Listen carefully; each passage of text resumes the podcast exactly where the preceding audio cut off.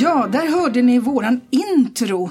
Och ni som har hört på det här programmet flera gånger förut vet att det här är intro till vilket program, Thomas Martinsson?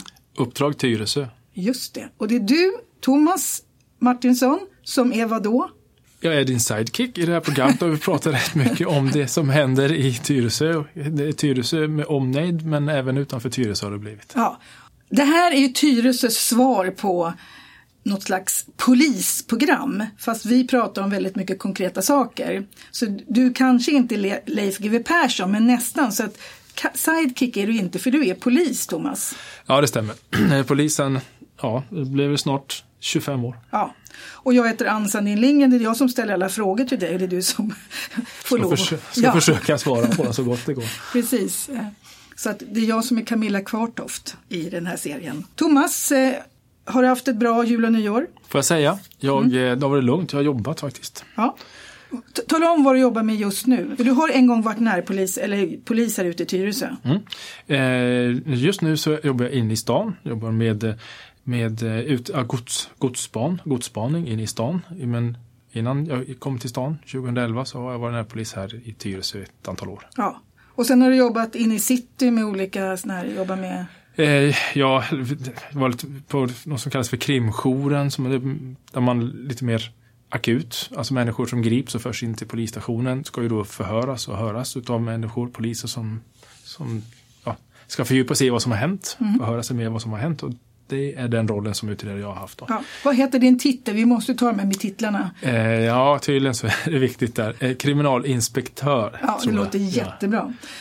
Jag tänkte börja med någonting lokalt för oss i Tyresö därför att eh, nu har ju den kommunpolis som vi har haft, Kenny Bungs, mm. han har slutat och gått till andra arbetsuppgifter. Så vi har fått en ny kommunpolis i, i Tyresö och hon heter Therese Lötman. Känner mm. du henne? Eh, nej, det kan jag inte, nej, det gör jag inte, men jag känner igen namnet. Vi har säkert stött på varandra vid något ja, tillfälle. Ja. Så det har vi nog gjort. Under tiden jag var här i, i Nacka, om hon nu har varit här. Ja, och kommunpolis, tala om då vad är en sån? Vad gör en sån? Jag har fortfarande inte riktigt, riktigt fått kläm på vad en kommunpolis gör. I den förra organisationen, närpolisorganisationen, så hade vi poliser som hade liksom i uppdrag, även jag, för jag var i, i den organisationen, hade uppgift att knyta nära band med kommunen och eh, lösa problematik som, upp, som invånare upplevde som jobbiga. Det kan vara att det har varit, eh, man känner otrygg på vissa platser, man har exempelvis i bostadsområden klippt ner häckar, byggt mm. om och så vidare för att få det för att man ska känna sig liksom säkrare helt enkelt. Mm. Och på den tiden fanns det ett 20-tal poliser i, som hade ett kontor i Bollmora centrum. Ja, jag tror som ett störst så var de väl ett 30-tal tror jag, ja. när de var som, mm. som allra störst. Eh, så att det, nu är kommun, alltså då var man fler som jobbade med, med det. Med de lokala frågorna? Med de lokala man... frågorna. Ja. Men nu vad jag förstår en kommunpolis så har väl egentligen samma roll, man ska vara som vad jag förstår som en koordinator i, ja. i mellan kommun och polis och man ska fånga upp, framförallt då ska polisen och kommun, alltså fånga upp den oro som eventuellt finns ja. i kommunen och så ska man, vad jag har förstått, och polisen komma med lite förslag till vad man kan göra och... Eh, ja, till polischefen i, i Nacka som heter Marie Hummer. Marie Hummer, ja, henne, henne känner jag. Mm. Känner jag till, liksom, vi har stött på varandra förut. Ja, så det är hon som är chef? Hon är chef nu. Och det, kommunpolisen rapporterar till henne. Så egentligen är det en polis som sitter i, inte i Tyresö utan i Nacka. Ja men så är det De har ju centraliserat det hela nu så att vad jag förstår så finns det ingenting kvar i Tyresö. Nej, ingenting kvar i Tyresö. I alla fall inte, i alla fall inte just nu. Nej. vet jag inte hur planeringen går sen. Nej. Det jag tänkte säga innan det är att kommunpolisen i sin tur vad jag har förstått ska anamma rollen som att man, ja, man ska säga får kommunen, upplyser kommunen om var problematiken finns liksom, ja. tillsammans. En expert och, på Tyresö kommun. Precis, fast det är då inte polisen i sig riktigt. Alltså, kommunen måste i, många delar då liksom Ja, vad ska, vad ska jag... Komma med åtgärder. Komma med åtgärder, ja, precis. Ja. Jag menar. Komma med åtgärder och lösa sådär så att polisen sitter som en koordinator ja. i, i det hela. Det För man har brottsförebyggande arbete även i kommunen. Och där har vi folk som är anställda i vår kommun. Mm. Och nu har man kommit med medborgarlöften för man lät alltså under förra året folk fylla i en enkät och så kom man fram till vad det var som var problem. Och nu har, vi kommit, nu har man tagit det här medborgarlöftet i kommunstyrelsen. Och då kan vi läsa här att eh, medborgarlöftet handlar om konkreta aktiviteter som Tyresö kommun och polisen tillsammans kommit överens om för att öka tryggheten och minska brottsligheten. Och löftet är alltså under 2017 lovar Tyresö kommun och polisen att arbeta för att öka den upplevda tryggheten på utpekade platser som knutpunkter, trafikmiljöer och mörka platser. Detta görs genom, att, genom de aktiviteter som redovisas i ett dokument som vi har här. Så nu Thomas tänkte att vi skulle kolla vad det är som de här medborgarlöftena konkret är. För att det man, de knutpunkter, det finns tre olika knutpunkter som har framkommit och det är att folk upplever sig otrygga i Tyresö centrum, Alléplan och Granäsringstorget kan man säga. Och de upplevs av många kommuninvånare som otrygga och vistas på främst under kvälls och nattetid. Och gemensamt för platserna är att de är knutpunkter för kollektiva trafik samt platser med stor genomströmning. Ja, och här finns även en majoritet av nöjesliv och så vidare. Ja, då kan du tala om vad är det man har tänkt att göra här Thomas? Du får läsa på den här aktiviteten. Mm. Ja, jag läser också innantill. Det står det alléplan. står det ökad polisiär närvaro för att, för att stävja trafik och ordningsstörningar. Då har man alltså under vårterminen 2017 bestämt att man vid fyra tillfällen ska anordna någon, någon slags aktivitet mm. för, för att försöka stävja det här. Då. då vill jag fråga dig som polis direkt. Fyra tillfällen på en termin, räcker eh, det? Eh, jag vill inte liksom, eller ja, skjuta initiativet i sank på något sätt. Det är en bra grej att man gör det. Eh, ja, det är bra en grej att man gör det, men det blir lite av löjeväckande ändå trots allt att man kommer fram till att man vid fyra tillfällen ska göra någonting för att minska en upplevd oro. Mm. Det kommer varken göra till eller från. De vid de här fyra tillfällena när man är där ute, om man får ihop fyra tillfällen, för ja. vi lider av resursbrist idag. Det. Och det kan tillkomma vad som helst under det här som gör att man inte kan hålla ens de här fyra tillfällena. Ja. Och, och, så vidare. Så det, det, blir, det blir lite grann ett löjets skimmer över, alltså det, det blir bara pappersprodukt. Ja. Och, men när, när jag säger det så menar jag liksom inte att initiativet i sig, jag förstår ju liksom att man försöker komma fram med in, initiativ, men det blir nästan att man målar in sig i ett hörn. För psykologiskt så blir det så att någon gånger kan det bli så här att de gångerna man känner sig lite trygg och kommer ut, det är vid de här fyra tillfällena. Ja. Det, är, det är då de här tillfällena ja. man känner sig tryggare. Och bara ta de andra två, för det, var, det där var alléplan. Ja, det var alléplan. Och sen har vi Tyresö centrum. Polisen ska, ska öka närvaron vid busstorget samt åka, samt åka med bussar. Tycker och hur ofta ska man göra det nästa term, eller vårterminen? Mm, det är också vid fyra tillfällen. Mm. Har man bestämt man och nästa det. grej? Sen har vi Granäsringen som är då område tre som man då känner sig oro så där, så står öka polisiär närvaro på torget med mobilt poliskontor. Och insatserna här man ska Hur ofta ska man ha mobilt poliskontor? återigen fyra tillfällen. Ja. Ja, det, det, alltså det man har kommit fram till, det man vill göra, man behöver göra det, det, det tycker jag är en alldeles utmärkt analys. Ja. Eh, och har inga som helst problem alls, utan tvärtom, det skulle jag göra liksom alla dagar i veckan. Ja, göra det. För förut hade vi två närpoliser, Klas och Klas, Klas Ursing och Klas Stjernström de höll väl på hela tiden och rörde sig i de här områdena? Ja, Ursing i synnerhet. Ja. Eh, eh, eh Kaka som jag kallar Stjernström. Mm han var mer en strateg och, och liksom lyfte fram idéer på olika sätt man kunde man jobba. Man såg dem i centrum. Ja, det gjorde man. De var ute. Det var närpoliser, det fanns fler närpoliser. Ja. Men det var de som konkret jobbade med brottsförebyggande okay. insatser och åtgärder. Men såg... de gjorde, precis, och de såg man, de kände liksom Tyresöborna till. Ja. Och, och, man såg dem regelbund, regelbundet och det är ett uttryck som för mig är en, ett generalord i det sammanhanget. Här. Ja. För att vi ska få Eh, bukt med, liksom vända, vända siffrorna, folk är oroliga, folk känner sig otrygga på olika platser. Så, så, det funkar inte med att ha lägga in ett antal tillfällen och göra Nej. punktinsatser på en halv eller en dag. Nej, det ändrar inte beteendet som vi har hos många invånare, kriminella invånare, som vi lämnat i, i och med att vi har lämnat spelplan fri för, krimi, för, kriminella element att göra. Och så en dag spelar vi, ingen roll. Ja. Och tänk om, om, om någon, någon kriminell lyssnar på det här så vet de att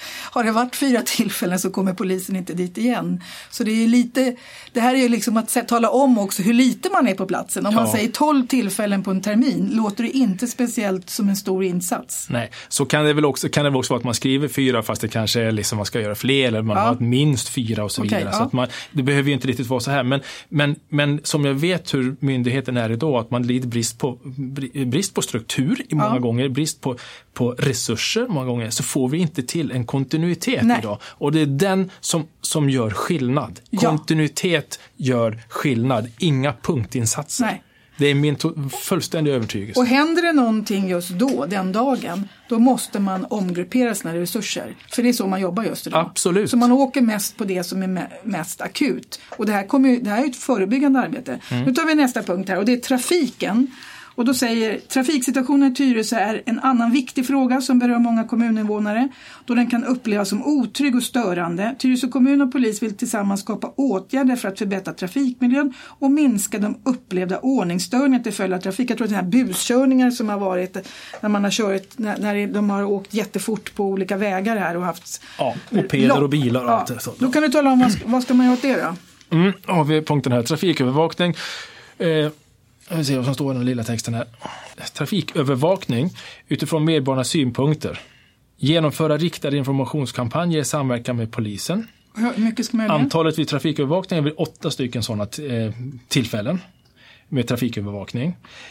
När vi pratar om genomföra riktade informationskampanjer i samverkan med polisen så pratar vi regelbundet. Mm. Eh, sen har vi då sista punkten, riktade mopedkontroller två gånger per vår och hösttermin. Två gånger per termin. Två gånger per termin. ja.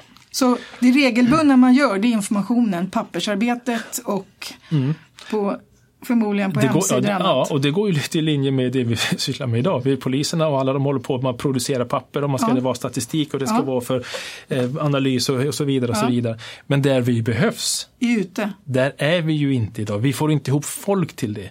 Eh, det av, av, olika anledningar. Det är löner och det är arbetsförhållanden och allting så, som gör att folk liksom fortsätter inte inom verket. Och det, återigen, återigen liksom, de här två gångerna vid höst eh, per, per termin. Det hade man i den gamla organisationen vår. Då hade man mycket, mycket mer samarbete med skolan. Ja, de då hade la man ständiga kampanjer. kamp hela tiden. Och man, och man visste vilka med då. poliserna var. Ja. Man kände igen dem. Ja. Precis, så de återkom hela. Mm. Så det, det återigen initiativ för att försöka få igång någon kommunal politisk verksamhet. Den, den sätter jag mig inte emot, inte, inte Nej, på något sätt. det är jättebra aktiviteter. Ja, men visst, men det måste till för det här är ingenting. Det här kan man både ha och mista. Ja, det är ja. liksom lite spel för galleriet. Ja. Och det här är inte inte, göra någonting. Man, alltså det här är ju inte liksom, åh vad, vi, vad nytt det här blev. Det här är väl vanlig polisiär verksamhet som ska utföras dagligen. Inte, inte, inte dugg nytt. Nej. Det här var det här som närpolisverksamheten gjorde innan när det då fanns resurser lite Ja. i början på 90-talet när det tillsköts, tillsköts Ja. eh, res, stora resurser. Sen så drog man in dem där igen så att den, den satsningen, den organisationen hade ju egentligen ingen chans att visa vad, man, vad var det egentligen skulle kunna åstadkomma. nej. Så, innan. Sen finns det en, en sak som Tyresö kommun då ska hålla på med och det är framförallt belysning för det är översyn av inkomna synpunkter över ljus och skötsel. Så att det är också en del av det här trygghetsskapande. Att man Tycker är jättebra. Ja, det, det går ju att göra utan Absolut, problem. och, det, och det, det, man- när man har gjort det så är det ju beständigt. Så, så är det ju liksom, Ja. är det ju liksom bättre att lysa sådär he, he, Mm. hela tiden. Liksom. Vi kan ju fortsätta med det, det här med just polisens anseende eller hur folk ser. Jag läste en eh, undersökning nu som där, från polisen att, man, att just nu går alltså förtroendet ner väldigt mycket för polisen. Mm. 2016 så var det 56 procent som hade stort förtroende för polisen och bara 21 procent som hade litet förtroende så fanns en skala där mittemellan. Nu är det 2017, så är, när man kollade, så är, är det alltså bara 31 procent som har stort förtroende och nu är det 44 procent som har litet förtroende för polisen. Thomas, vad beror det på? Alltså det, alltså det är sorg i mitt hjärta när jag läser den. Alltså Ja. det är riktig sorg för att vi jag skulle säga att mycket i, i den här, det ligger mycket i den här omorg- omorganisationen. Man Ja. rev sönder strukturer. Som fungerade. Strukturer som fungerade. De var inte alltid bra Nej. och de kunde bli mycket bättre, men Ja. de fungerade. Då har vi kastat oss in i någonting nytt som, det är lite grann som en skenande häst. Mm.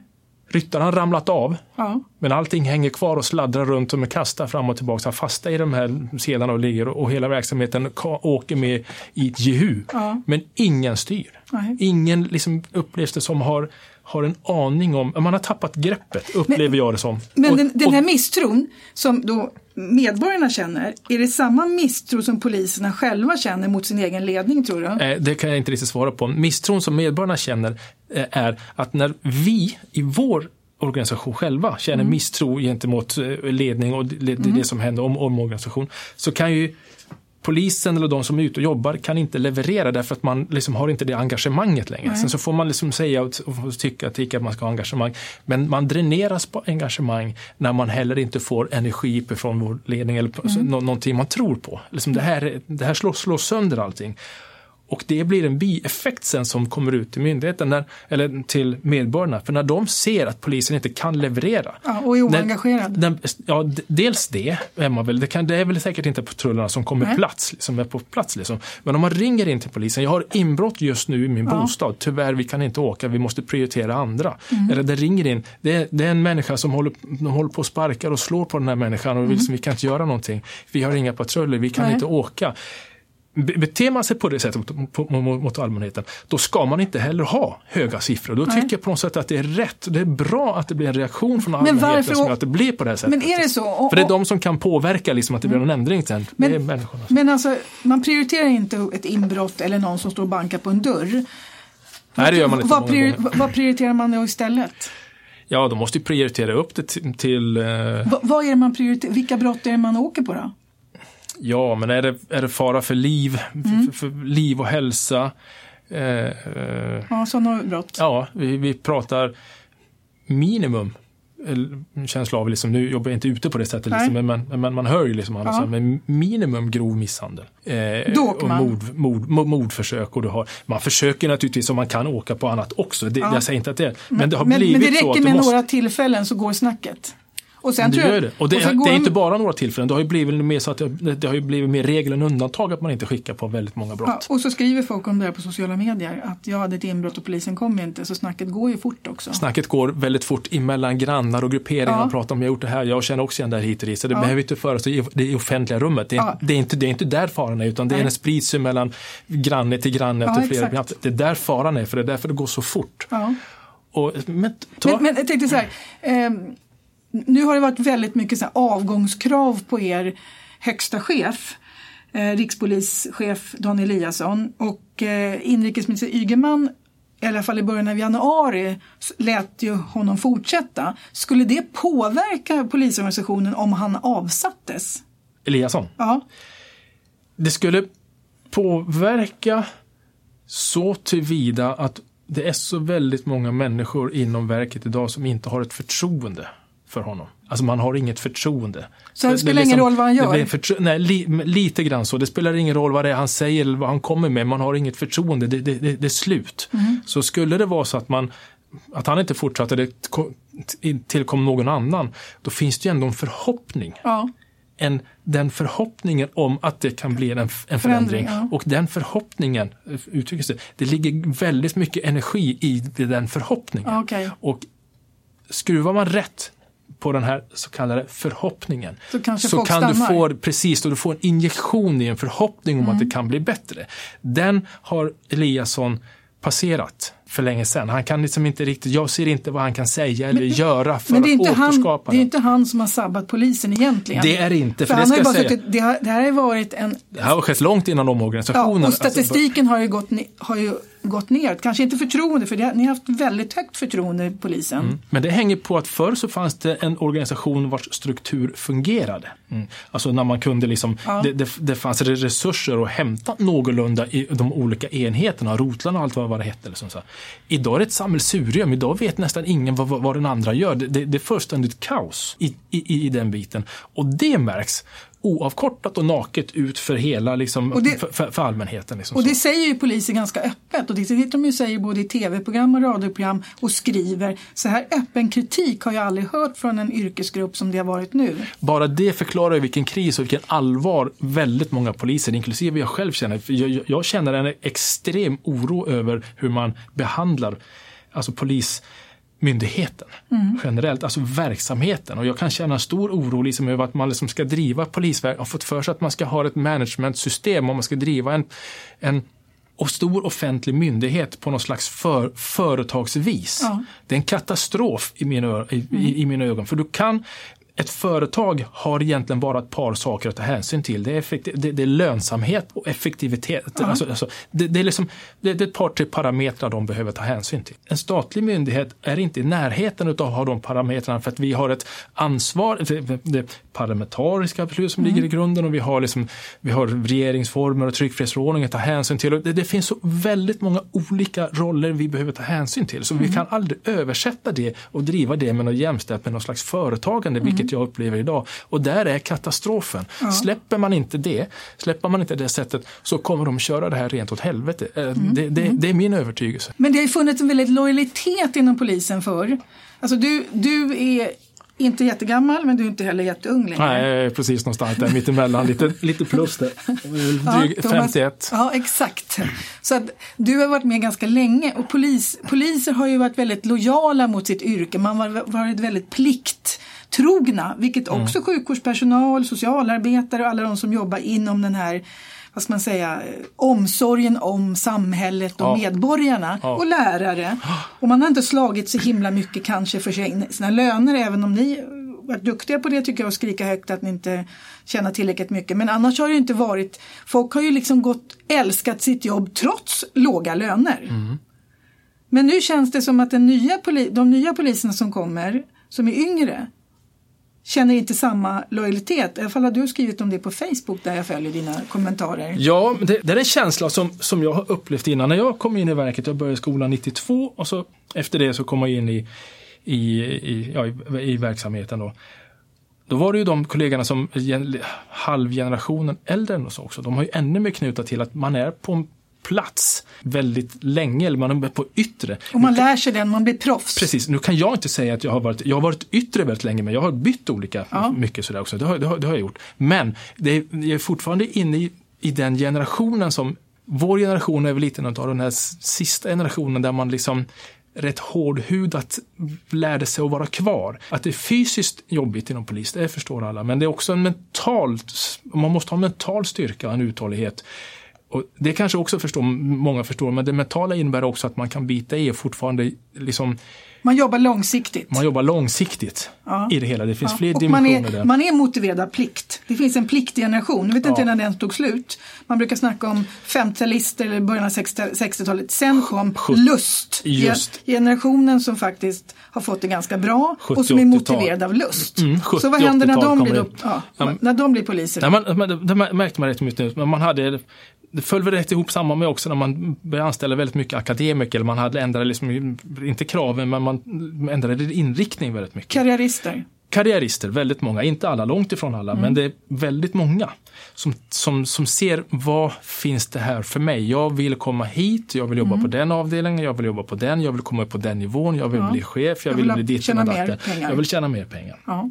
Jag vill inte åka radiobil. Nej, därför att man liksom, nej men det var inte min grej. Liksom. Innan så var det radiobilen, radiobilen eller yttre tjänst i någon mm. form. Radiobil om du är på Närpo eller någonting. Men, yttre tjänst är den position där du lär dig yrket från grunden. Ja, och du gick bredvid erfarna poliser i många år. De fanns där hela ja. tiden i många, många år. Ja. Så du lärde dig det och du lärde man brukar säga att det tar i snitt ungefär fem år någonstans i yttre tjänst innan man liksom har börjat komma så pass långt så att man ha varit med om allting och kan börja bygga mm. på sin erfarenhetsbank rejält. Alltså de här bitarna. Det tar det, det, tar det. Sen så det, finns det, de säger också att ja, men utbildning, man, om man nu vill gå in på utredningar och så vidare så borde man kunna liksom ha en snabb snabb variant utbildning eller kunna söka det på en gång. Och Det ligger väl lite någonting i det också, liksom, för att det, kanske inte alla roller i en myndighet man ska göra behöver man kanske mm. alltid ha en gedigen, jättegedigen yttre tjänst. Det är, all, det är aldrig fel. Mm. Jag skulle fortfarande tycka att det här är,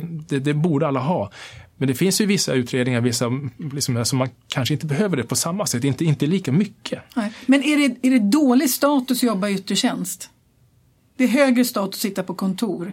Och informera mera medborgarna som det står i de här. väl... Alla vill sitta framför en dator. På något sätt så känns det som att man har ett större karriärsmöjligheter, stegar, när man kommer in och, och, och på inom alltså utredningar, administration. underrättelse, administration. Det, det, finns liksom flera karriärs... Ja.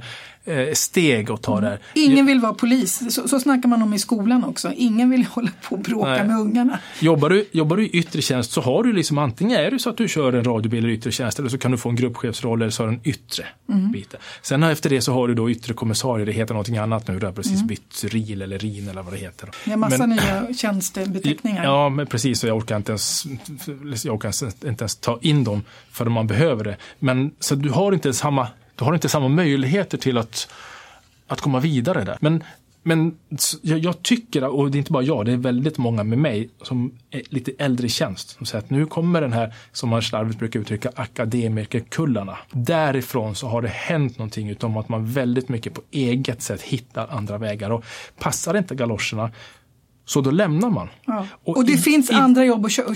Det gör ju det. Inom försäkringsbranschen, inom väktare, inom Migrationsverket, Arbetsförmedlingen ja. och överallt. Eller, det är inga problem att byta jobb. Nej. Har du en polis, har du erfarenhet inom polisen kan du byta jobb. Och, och, nu, och nu, gör man det. Ja. Man är inte lojal mot, sin, mot sitt yrke längre. Nej, och de har inte bara erfarenhet, de som kommer in nu, erfarenhet av polis, utan de har ju faktiskt, de har ju, de har ju eh, eh, examen från högskola i andra, mm. liksom, i andra bitar. Så att då har ju polisen plus det andra. Så att de har inte svårt, att, svårt att, att få jobb. Nej. Och där kan jag tycka, utifrån hur man, min generation och i synnerhet kanske de som är äldre än mig, där man i mångt och mycket varit dumlojal. Mm. Som uttrycker mig som var dumdålig. Man har hängt fast vid det och det har myndigheten och ledningen vetat. Det blir, visst, det väsnas lite, det blir ett oväsen sen så blir det inte så mycket mer med det. Mm. För man älskar sitt jobb? För man älskar sitt jobb Varför? och man kände ett starkt kall för att, för att jag kände att jag verkligen kunde göra, någon, mm. göra något, tror jag väldigt mycket. Och sen så hade man en stark sammanhållning i turlag, det var en annan strukturuppbyggnad ja. på Men, men varför älskar man ett jobb där man utsätts för fara, inte tjänar så mycket, har dåliga arbetstider? Men nu ska man säga som att det här har nog blivit, tiden har sprungit ifrån löneutvecklingen också sen, ja. sen den tiden så att man hade någorlunda Man tyckte att man tjänade okej okay då? Det var okej. Okay. Mm. Det var okej. Okay. Plus att då hade du en lönetrappa. Du visste hela tiden, ja men om ett, visst jag tycker jag tjänar dåligt nu, men om två år så kommer min lön gå upp. Nej, och ja. ytterligare fyra så kommer den gå upp så. Då, då, så man kunde se och följa den. Och, eh, men sen har det där skrivits upp eller skrivits ner beroende på, det är så många faktorer det så att idag är vi inte så nära. Idag så är det väldigt tillåtet till väldigt mycket rövslickeri som man kallas, men det är väldigt mycket man fjäskar för vissa och sen så visar man men det är, så är det på många arbetsplatser. Det är inte bara en polisen, det är väldigt många liksom, där man väldigt... producerar mm. papper och ser ut som att man gör någonting. Ja. Men sen är det, som är det så det att det som är det som är det tråkiga med det hela är att det finns ingen bra utarbetad metodik för att cheferna ska kunna se Nej, men, vad jag gör. Men den problematiken finns överallt. Absolut, jag, jag har jobbat fackligt. Ja, oh ja, oh ja. Och, och när, första gången man ser lönelistan då kan man inte sova på tre veckor. För de man trodde hade hög lön eller låg lön, alltså det är ungefär som att kasta upp lönerna så åker de random ner på olika människor. Men lite så, det är och, väldigt så som det uppfattas. Och, och det handlar ju väldigt mycket, är man kvar på, på samma arbetsuppgift och blir jätteduktig på det, då premieras man inte. Nej. Hoppar man runt så premieras man. Kommer man ny premieras man. Så att de som jobbat, alltså när jag tog fram statistik på min arbetsplats så var det egentligen så att de som tjänade sämst det var de som hade jobbat längst tid på golvet och inte rört på sig. Jajamän. Mm. men så är det. Och det, det, är det, det är det som arbetsgivarna som jag upplever utnyttjar också. Ja. Det, det, är ju ett verktyg för dem att, de, att, de vet att, att, att härska genom att söndra ja, och, och, och, splittra mellan ja. så att man skapar ja. oro, att det blir liksom interna bråk. Vem, har, nu har, har den fått si och så mycket. De utnyttjar det garanterat för, för ordet skick. Och det fanns inte förut. Liksom. När, när, när, du hade den här trappan liksom, så man visste, okej. Okay, ja, så det, fanns det inom läraryrket också. Också inom det. Va? Mm. Och den strukturen var stabiliserande i ja. den här biten. Sen har fram till idag så har det sprungit ifrån med, vi pratar olika index och vi har basbelopp och ja. liksom, så att det ja. där har omgjorts väldigt, mm. väldigt mycket. Men det finns ingen utveckling längre. Nej, det finns ingen ut, liksom, där, där löneutvecklingen, den är helt död. Det, ja, finns, att det, är jättang... det finns de som har jobbat i tio år och har kanske 2000 spänn mer max än vad de hade när de klev in från början. Liksom. Mm. Det är inte okej. Okay. Och så, kommer de, så ska de handleda någon som kommer in sen som har både 5 och 6 tusen mer ingångslön. Precis, liksom de har högre, i högre lön. Mm. Det säger sig självt att, att liksom systemet sjunker. Engagemanget för den som ska handleda ja. är noll. Och civilanställda får ofta högre lön också som kommer inte, in. Inte lite högre lön, de har väl 8-10 tusen, många ja. som kommer in ja. längre och har noll erfarenhet. Ja, det är det som, ja precis. Det, det här är ju... Erfarenhet från polisverksamhet. Mm. Jag tänkte bara tala om då att just det här med otrygghet eh, som vi pratade om. Då har man också kommit fram till att en tredjedel av alla kvinnor är otrygga när de går ut, visar nyligen en undersökning från BRÅ, Brottsförebyggande rådet. Mm.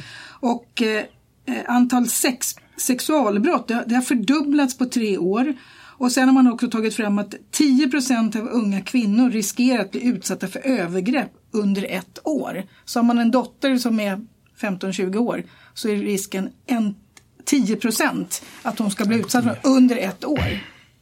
Ja, det är obehagligt. Hur, hur, hur, reagerar du på de här siffrorna som kommer? Jag tycker, alltså, det, det är lite med, med skräck som jag gör det faktiskt. För det, det, det, är ganska, det är ganska stora siffror. Ja, det är jättestora siffror. Är, ja. och, och det här, bör man, det här diskuterar man ju på nätet väldigt mycket just nu.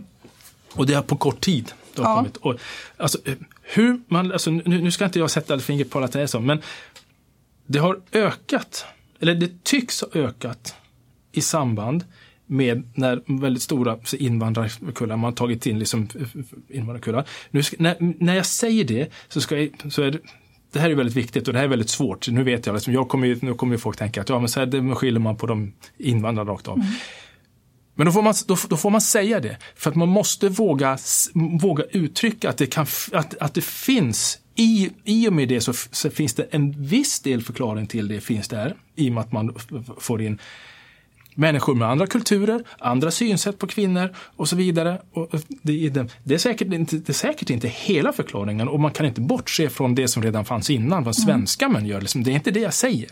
Men för om vi ska kunna göra en riktig belysning så måste man våga göra en mätning. Jag stod i tidningen för ett tag sedan att man vill inte mäta. Man vill inte mäta, man vill inte det och då får man genast känslan av att man är rädd för att för att få fram vad siffrorna visar. Men är man rädd för att få fram vad siffrorna visar, då är man också rädd för att få fram en eventuell sanning. Mm. Och är man inte hungrig på att få fram en sanning så kommer du aldrig komma åt en problematik. Mm. Men, men, men, om man då tar etnicitet eller hudfärg som mm. en, en faktor i det här. Då börjar man ju närma sig det som då kallas för rasism. Att man tror att människor som kommer från ett visst land eller som är födda av vissa föräldrar eller har en viss hårfärg, att de beter sig på ett annat sätt. Och Thomas, din pappa kommer från Afrika. Mm. Du, är inte, du ser lite solbränd ut. Ja, jo, mulatt. och så. Eh, mm. han, han, är så, från Afrika. Jag är, jag är född och uppvuxen här i Sverige, uppvuxen i Kiruna. Men jag har också växt upp i Alltså i ett hem, alltså i, i Afrika generellt, där är det mannen som bestämmer. Det är, liksom, det, det är odiskutabelt, mannen bestämmer. Och för att ta mig själv och min uppväxt, nu var det inte så, så att han styrde och ställde och, och, och skrek och så på min mamma. Det, det fanns något slags samförstånd liksom mm. där ändå. Men jag var med pappa i Afrika när jag var yngre, i ett halvår. Eh, och eh, där lärde man sig, redan där lärde man sig liksom att kvinnan hade sina roller mannen hade sina. Klev kvinnan över dem eller gjorde någonting så då läxades kvinnan upp. Mm. Det var mannen som bestämde? Det var mannen som bestämde. Det, det var inte liksom, mycket jämlikhet det, precis? Det, det, var inte, det var inte någon form av jämlikhet utifrån mm. det så som vi i väst är van mm. och vi vill ha och självklart. Mm. Det är så självklart att det ska vara den jämlikheten. Mm. Solklart. Men om vi inte sätter oss i framsätet i den här diskussionen utifrån hur vi ser utan man sätter sig liksom i, man, man tar sig ner i i de länderna, Mellanöstern, det är Nordafrika, det är Afrika och det är Iran, och Irak och allting. Liksom, växer man upp där och med den miljön runt omkring det, där du sätter det, där männen styr, där männens agenda är den alena rådande. Mm. Och kvinnor liksom förtrycks, nu säger jag förtrycks utifrån min, mm. hur, hur jag ser det. Men om man ser ur deras perspektiv så lever de med sina roller. Om jag går tillbaka till Afrika där min pappa är från Gabon så hade kvinnan sina roller och mannen sina. När det flöt på, då var det inga problem. Kände kvinnorna sig förtryckta tror du? Eh, det är väldigt svårt för mig att säga. Jag vet inte riktigt hur, hur det kan vara. Det är säkert så tyckte de, det utgår från att det till viss del gör det. För att jag menar männen kunde ta sig friheter och göra vad de ville, sitta mm. och titta och prata och så vidare. Medan männen eller kvinnorna, de lagade mat och de tvättade och pysslade med. Det är självklart att de också skulle vilja känna att det var skönt att kunna bara sätta ihop oss och kvinnor. Men, för, för, för egentligen har vi haft, haft samma könsroller i Sverige om man backar en massa år. Jag har intervjuat massa människor uppe i Norrland, i Härjedalen, där, där de också hade väldigt tydliga könsroller. Självklart. Och där kvinnorna lagade all mat, gjorde allting så männen kunde knappt göra någonting, de jagade och allt det här. Och där var det, när man ställer frågan, men var inte det konstigt? Nej, det var så här det var. Exakt, och det var det jag också ville komma till. För det var så det var. Ja. Och, um, det fanns de... inte en idé om att han skulle laga mat eller ta hand om barnen eller göra någonting sånt. Nej. Nej. Och den, de könsrollerna har ju vi utvecklat. Gå tillbaks på 1940-talet, 30, 1900-talet, alltså 1910-tals år framåt. Ja, och det var gubbarna i byn som bestämde i den här byn där jag ja, är. Även om de lyssnade på sina kvinnor, för egentligen bakom dem fanns det en massa kloka kvinnor som tyckte saker. Absolut, och Så även det... i storstäder. Ja. Du hittar du med även tillbaka ja. till. Men, men om vi då går tillbaka till det här med kriminalitet. De som nu skjut, alltså för varje dag så läser man om skjutningar och mord. Jag har aldrig läst om så mycket mord och skjutningar någonsin i hela mitt liv som jag läser nu. Och där står ju inte etnicitet. Nej, det gör det inte. Men det, det, men... det, det står kön kan man säga, att det är en kille. Och mm. ålder får man säga. Mm. Men etnicitet står ju inte. Nej. Och det vill man inte egentligen rapportera. Men det, men det som är problemet där, det är att vi har, alltså, alltså man kan man gott och, gott, kort och gott kalla det för klanskjutningar.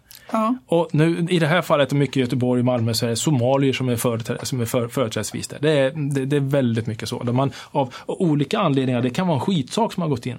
Men just nu är det så. Sen så kan det vara andra grupperingar som kommer. Men just nu har det varit det. Och det finns säkert andra grupperingar som också... Och de kommer från klansamhällen. Det är byggt på klansamhällen. Ja. För att de ska kunna fungera, eller hela själva fam fam familjebilden, så är, de, så är de väldigt beroende av att ha ett anseende i sitt land ur andra. Ja. Anseendet är det viktigaste av allt. Ja. Får, får anseendet, anseendet en, alltså smutskastas det, då är det då är ditt, ungefär, liv, det är ditt liv inget värt. Det är inte värt någonting. Då får, du, då får du ta bort ja. den som på något sätt har smutskastat det. Mm. Det måste bort, du måste skära bort det här som har på något sätt ja. förnedrat det hela. Det tänket måste man fatta fatta. Man måste men förstå. din pappa som då bosatte sig i Kiruna tillsammans med din mamma? Nej, det gjorde han inte. Han flyttade tillbaka till Afrika ja, sen. Men han bodde tillsammans med din mamma ja. ett antal år. Ja, det gjorde han. Hur klarade han av, då var han ganska, han hade ju inte sin familj här. Nej, han klarade inte av det till slut. Han flyttade tillbaka för att han liksom blev av lappsjukan och ja. hade liksom hela, hela alltså sin sociala och vänner, liksom allting så som han saknade. Han levde i Sverige kanske tills jag var sju eller åtta, ja. sju, sju år någonstans. Då. För det måste varit en stor grej för honom. En jätte, en jätte. Och, och träffa din starka mamma. Absolut. Det, det, det, det är ju, jag menar, det är bara att tänka sig själv. Ja. Om, man, om man flyttar härifrån, om man ska ta sig och sätta sig på planet till Bromma så åker du ner till eh, Kongo, Kinshasa, mm. så lever du dina resten av, liksom, lever du tio dagar, tio mm. år där. Ja. Bara från en dag till, till en annan. Med allt vad det innebär, stampar i jordgolv i mm. stugorna och du har mm. liksom, det finns ingen mat, du får gå och lägga dig liksom hungrig, du får gå hungrig i flera dagar och så vidare. Det, det, blir, ett annat liv. Det, det är ett helt annat mm. liv när man också, det får du också se ett perspektiv, för det är ett helt annat liv utifrån hur många av de här som kommer hit till Sverige, mm. män, företrädesvis väldigt många män. Ja, det är det. Ja, de kommer hit till Sverige, de har nästan aldrig i sina hemländer överhuvudtaget sett en kvinna, lättklädd, lättklädd kvinna överhuvudtaget. Nej. Ja, och är det så att någon kvinna där nere har betett sig som i den världen där nere då, eh, lösaktigt. Mm. Då är det också fritt fram villebråd till att göra vad som helst. Ja. För att där så tänker de, det är kvinnans, det är kvinnans det är hennes eget ansvar att se till att inte utsätta sig för det. För om hon inte gör det, ja, då är det fritt fram för mig mm. att ta och klämma på det. Är du uppvuxen med det och du kommer hit liksom sådär. Då blir det väldigt lätt också liksom att man, alltså, kommer, man kommer man till ett samhälle där kvinnorna är väldigt frigjorda och, och, mm. och går klädda precis som de vill, vilket de självklart ska göra, själv, självklart. Mm. På något sätt så kan det fortfarande bli så om det är större grupper. Liksom, eh, från eh, Mellanöstern exempelvis eller Afrika någonstans. Går ihop. Ja, men nu kan vi gå och klämma, nu kan vi ta på någon och så vidare. Och så vidare. Mm. Hur vi vill. Det, det, och det, och det, det, är, många, det är logiskt ja, liksom att det blir så. Och så den, det har ju många av oss tjejer upplevt, eller kvinnor upplevt när vi åkte utomlands. Att, man, att, att folk klämmer på en. Ja, men det, det man, alltså, och det kan man vara med om ibland även när man är ung. Mm, mm. Eh, så det, det har ju hänt. Och, så vi har ju liksom haft ett väldigt, vad ska man säga, jämställt samhälle. Oh ja. Och det måste vara väldigt svårt för det är ju, det är ju Sverige som är annorlunda egentligen. Det är väldigt, det, det, det, det, du säger nu är väldigt, väldigt viktigt att säga. Det är Sverige, Norden och mm. Europa till stora delar Nordeuropa. i alla fall. Nordeuropa som på något sätt skiljer sig. Övriga världen är, och är i majoritet mm. i i hur man liksom dela ser, könen. dela upp könen. Jag, ska, jag, jag vill berätta en, en, en episod, en, en, kort episod när jag var på FN-tjänst i Liberia. Så hade vi utbildning när vi kom ner till Liberia början första veckorna i Monrovia bland annat. Satt vi, vi hade vi olika genomgångar. Och sen så kom vi då fram till gender, en genderutbildning, alltså mm. jämställdhet. Om kön. Mm. Mm. Eh, och då kom det in en afrikansk eh, kvinna. Hon skulle hålla, och i, i salen så satt kanske 70-talet poliser från hela världen. Det var Bangladesh och det var Nigeria och det var Mellanöstern och så vidare. Och ni hade alla samma uppdrag? Ja, vi hade, ja, vi hade alla samma uppdrag. Så det, från det var FN? liksom från FN-tjänst. Ja. Och sen så kom hon in och så började hon prata det här med gender och det är viktigt och det är väldigt viktigt att man som män liksom kan respektera en kvinna fast mm. med högre, högre rang, mm. eh, ta en kvinna i hand och så vidare. började hon så här att prata om. Och så började det så skruva sig i bänkarna. Det, började skruva, det skruvades rejält och så mumlades och så vidare. Och sen så plötsligt så avbröts hon av någon som sa, sa så menar du någon, någon mm. polis från Mellanöstern tror jag det var. Menar du att vi ska acceptera att ha en kvinnlig chef över oss? Menar du att vi ska ta henne i hand? Du måste skämta. Och så var det flera som fyllde i det här. Alltså, det, det här är, det är inte möjligt, du måste skoja. Mm. Alltså, det har varit ett jädra rabalder och gurgel i salen. För man kommer från extremt patriarkala kulturer. Väldigt mycket så. Liksom. Och det, mm. det, det där, alltså, de, de de, de tog det som en ren oförskämdhet och så var det någon som försökte sig på att förklara i vår värld där vi kommer ifrån så respekterar vi kvinnan. Du kan inte säga att vi inte respekterar vår kvinna. Eh, för vi respekterar det hon gör, vi avgudar henne för det Exakt. hon gör och så vidare. Så vi har en jätterespekt för det. Mm. Och du säger nu att vi inte respekterar genom att vi liksom ja, här. Så de tog det som en skymf. Ja. Så det, det, här, väl... det, här, är jättesvåra frågor. Exakt. Det här är ingenting de... som man bara ändrar på. Inte alls, nej, för att man då nej. utifrån FNs sätt att se det har en genderfrågor utifrån ja. ett västerländskt sätt på att se hur kvinnor ska vara. Mm. Och, och, att man driver, driver, driver det så.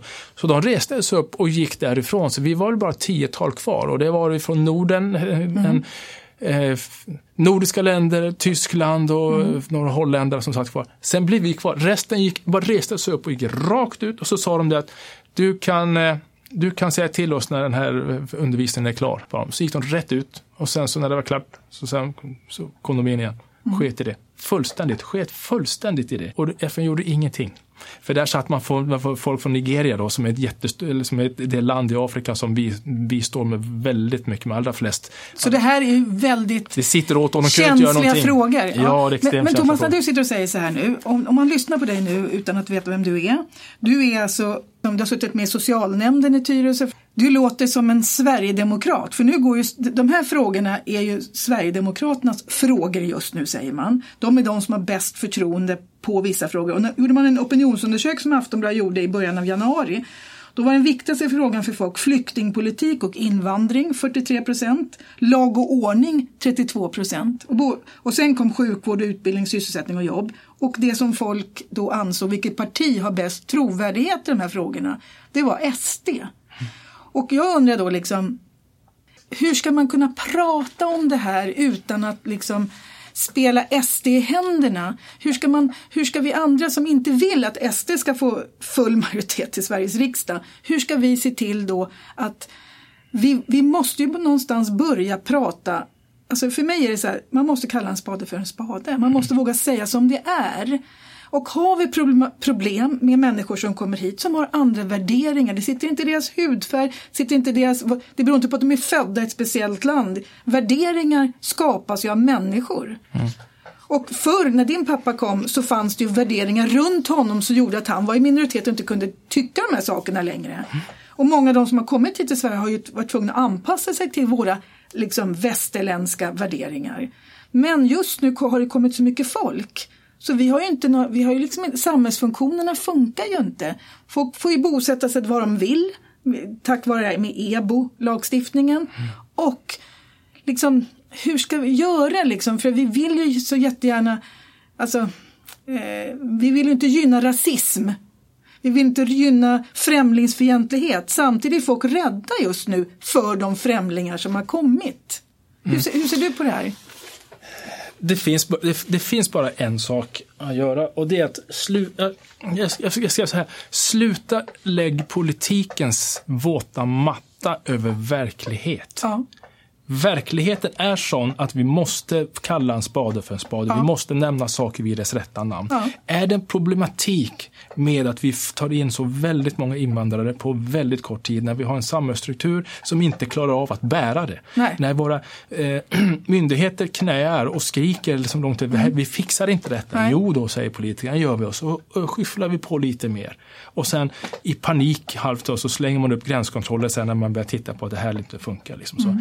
Det funkar inte enligt mitt sätt att se det att göra på det sättet. Mm. Hjälpa människor i nöd ska vi göra, men vi måste på något sätt hjälpa dem ut efter förutsättningar som finns som som, som vi har. Och vi, och vi måste förstå att det, finns det en problematik i den där gruppen så måste vi hitta människor som kan den problematiken och ger sig in i den gruppen. Och informera ja. om att det här är inte acceptabelt Nej. i Sverige. Om ni vill fortsätta ha det så här, då får ni, ska ni också räkna med att ni hamnar i, i, alltså i rättsväsendets kvarnar ja. och ni mals och ni kan hamna i fängelse. och det, det, måste vara en tydlighet. En tydlighet. Inget veloursnack eller Nej. mysprat om det hela, utan det ska vara en tydlighet. Ja. Och det har ingenting med politik eller en rasism att göra utan det är på något sätt för att få inte båten att kantra. Ja. Det handlar inte om SD, det handlar inte om sossar, moderater eller Nej. politiska partier. Det handlar om att våga att säga. Vi måste få den här integrationen att fungera. Ja, vi måste få integrationen att fungera och det måste vi balansera. Vi måste balansera de, de resurser vi har gentemot de, de, de, mm. de vi tar in för att de vi tar in ska få en dräglig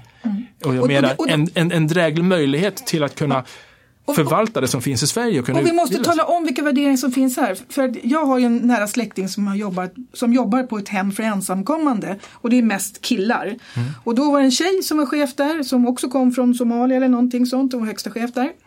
Och hon bestämde nu ska alla killar på sex och samlevnadsundervisning. Och de höll ju nästan på att myt, myteri, de vägrade. De tänker minst inte gå på sådana snuskiga eh, utbildningar. Och då sa hon, gör ni inte det så tappar ni er dagersättning. Så de här killarna var jättenegativa till för de visste inte, nu ska de tvinga på oss sina konstiga värderingar. Men De gick på den här sex och samlevnadsundervisningen. Och då var det liksom, de hade tolkar, det var någon kille från Iran eller någonting som höll i den här, som var ungefär lite äldre än dem. Och berättade, så här funkar det. det är så här man blir med barn.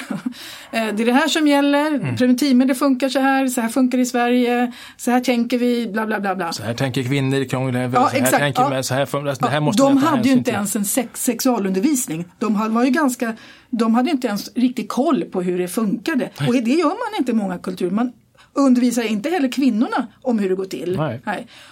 De blev jättetacksamma över att få den här informationen och det måste vi väl också inse att folk som kommer från andra länder som kanske inte går till skolan har inte den här kunskapen heller. Nej men så är det ju och vi måste på något sätt också Alltså där, där upplever jag att vi, vi är så fruktansvärt naiva och veliga från svenskt håll och, och, verkligen trycka på det här gäller. För alla som kommer hit är ju inga våldtäktsmän Nej. eller kriminella på något sätt. Det är människor som... det, det, det är det vi måste komma ifrån men ja. vi måste på något sätt förklara hur hur, hur vårt levande är här. Ja, ja. Hur, hur, hur, kvinnorna är fullständigt fria. Sin, vilka lagar och regler vilka som gäller. lagar och regler som gäller. Annars så händer det här, det här och det här. Och det måste vara en tydlighet. Och det ska polisen vara med och informera. Det, eh, mm. Stat och kommun ska vara med. Mm. Migrationsverket. Där ska de här bärande bitarna i samhället alltså, vara med och, och tala om sina bitar. Det ska inte vara någon, någon person från någon kommun som ska tala om polisens saker och ska prata, prata om åklagarnas saker. Utan det, var och en har sin egen representant och med, med folk som har kommit hit och är assimilerade på ett visst sätt ja. som förmedlar det hela. Så att man... Som talar om att det är, sma- det här är ett smartare sätt att leva. Exakt! Mm. Eller, och inte bara det, det är det här sättet.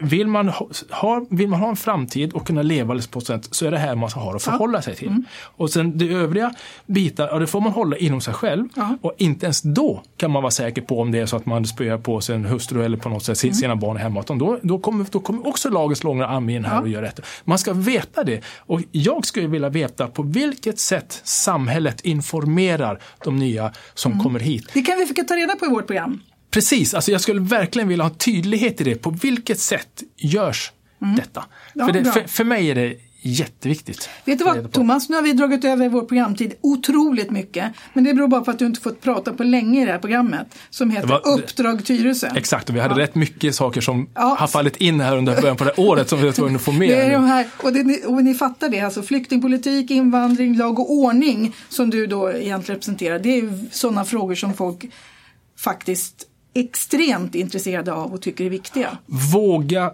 våga nämn det, för det, det som har gjort till liksom det att vissa partier ökar, eh, SD i det här fallet, för de har lagt vikt vid att lyssna på vad människor känner.